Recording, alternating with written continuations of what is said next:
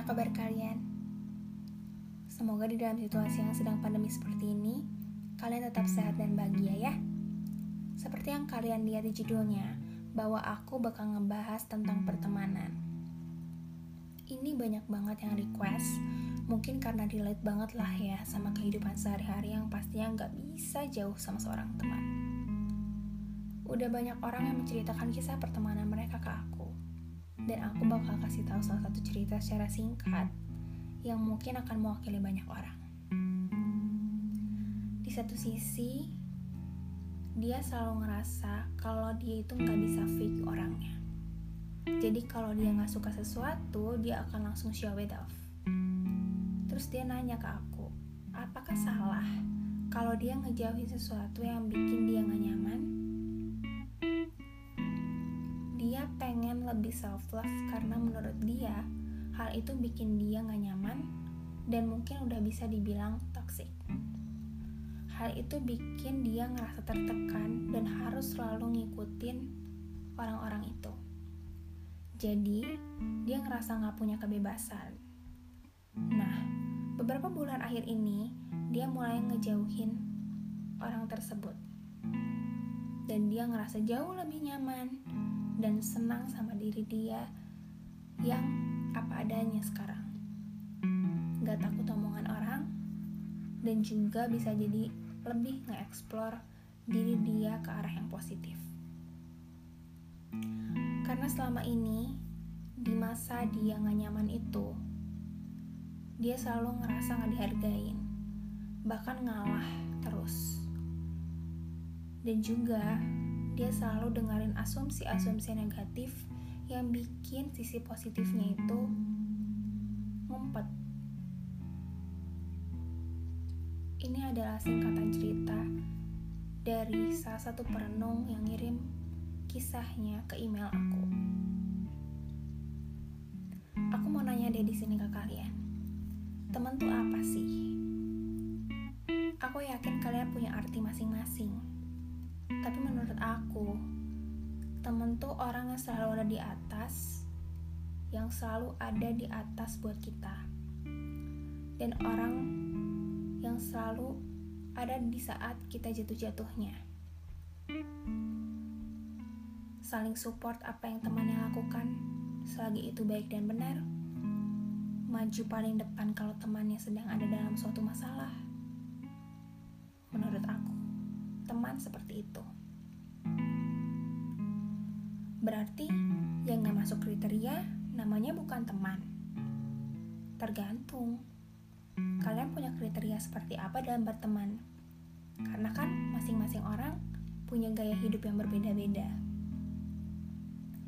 Ada kok orang toksik nyatunya sama orang toksik jadinya malah positif. Ada juga orang yang berusaha positif di circle yang toksik tapi bisa bertahan ada juga yang berusaha positif, tapi dia nggak kuat di circle-nya yang toksik, yang mengakibatkan dia harus mengambil keputusan untuk menjauh.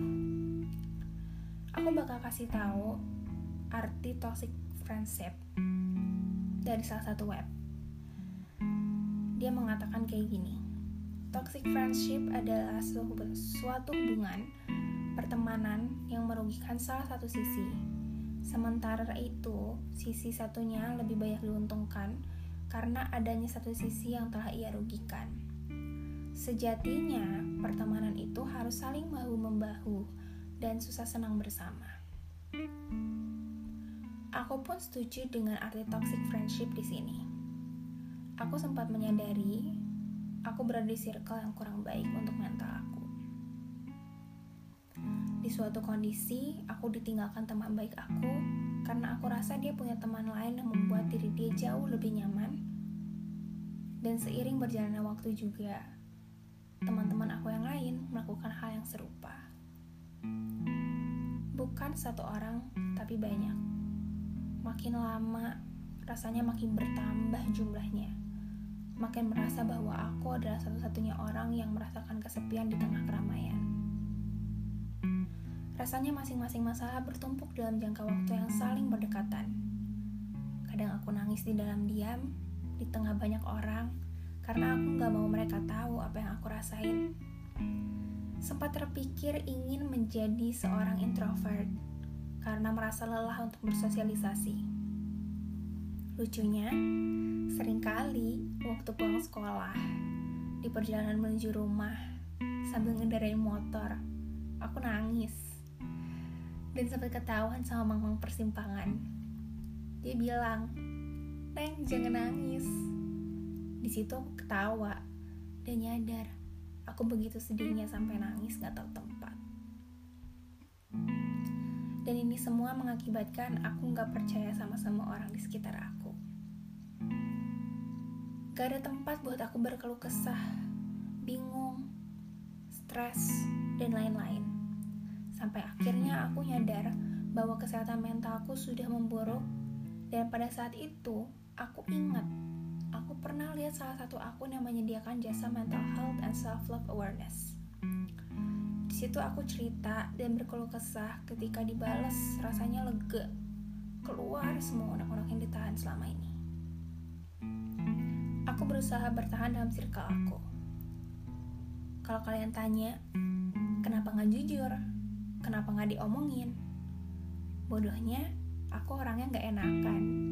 Aku takut nyakitin mereka dengan omongan aku. Makanya aku tahan dan berharap ketika pisah dengan sendirinya, ini akan selesai dengan mudahnya.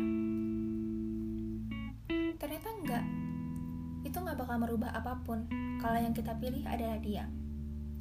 Akhirnya, beberapa minggu lalu, pastinya saat pandemi seperti ini, aku memutuskan untuk jujur kepada tiap orang yang berperan dalam masalah ini.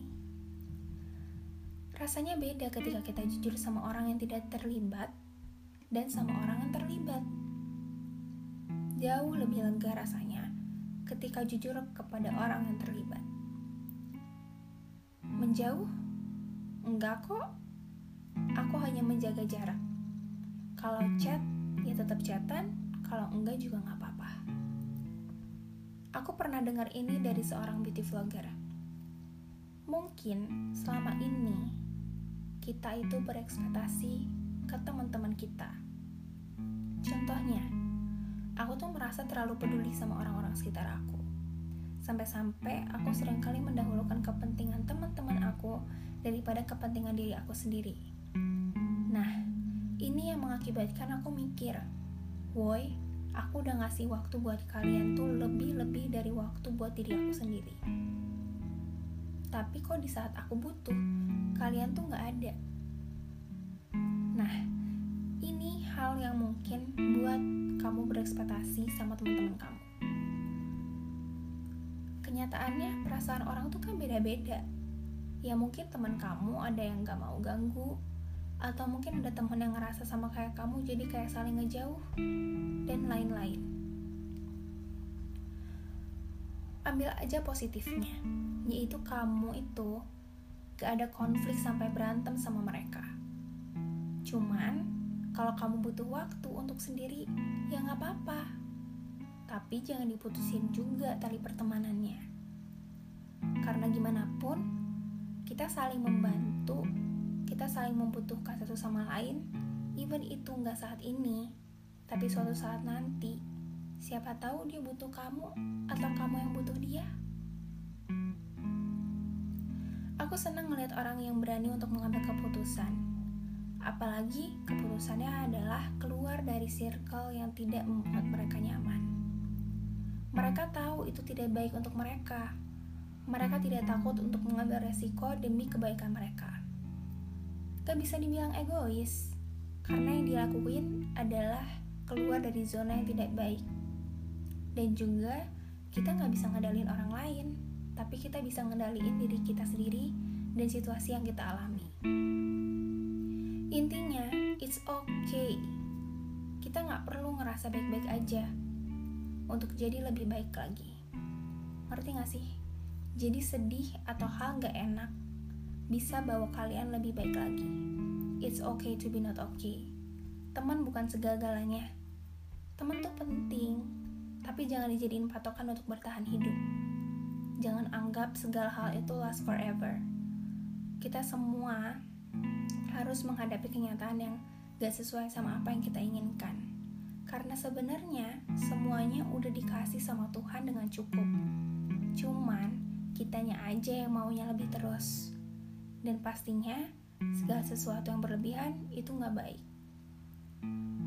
Aku tadinya sempat kepikiran untuk tidak bicara mengenai masalah aku. Karena gak mau aja ingat masa-masa yang benar-benar kelam. Cuman, aktivitas seperti berteman tuh selamanya kan jadi akan berkemungkinan kita akan merasakan hal yang sama di masa yang akan datang. Dan di sini aku mau ajak kalian mengerti yang terjadi sekarang. Semuanya adalah pelajaran. Jadi ketika masalah itu datang lagi, kita udah tahu cara menyikapinya seperti apa. Udah tahu juga harus mengambil tindakan seperti apa. Dan ya, bagi kalian yang sebentar lagi akan memperingati hari raya, meskipun sedang dalam situasi pandemi seperti ini, aku harap bahagia kalian tidak berkurang dan tetap bisa merayakan dengan orang terkasih untuk merayakannya dalam bentuk apa pun. Selamat merayakan bagi yang merayakan dan juga buat yang merayakan ataupun tidak. Kita harus berusaha untuk mendukung kebijakan pemerintah untuk tetap diam di rumah kalau nggak penting-penting banget, usahain untuk tidak keluar rumah. Agar kita juga bisa meringankan beban-beban para petugas medis dan pemerintah juga. Semuanya demi kebaikan bersama. Sekian dari aku, peluk jauh dari aku. Bye.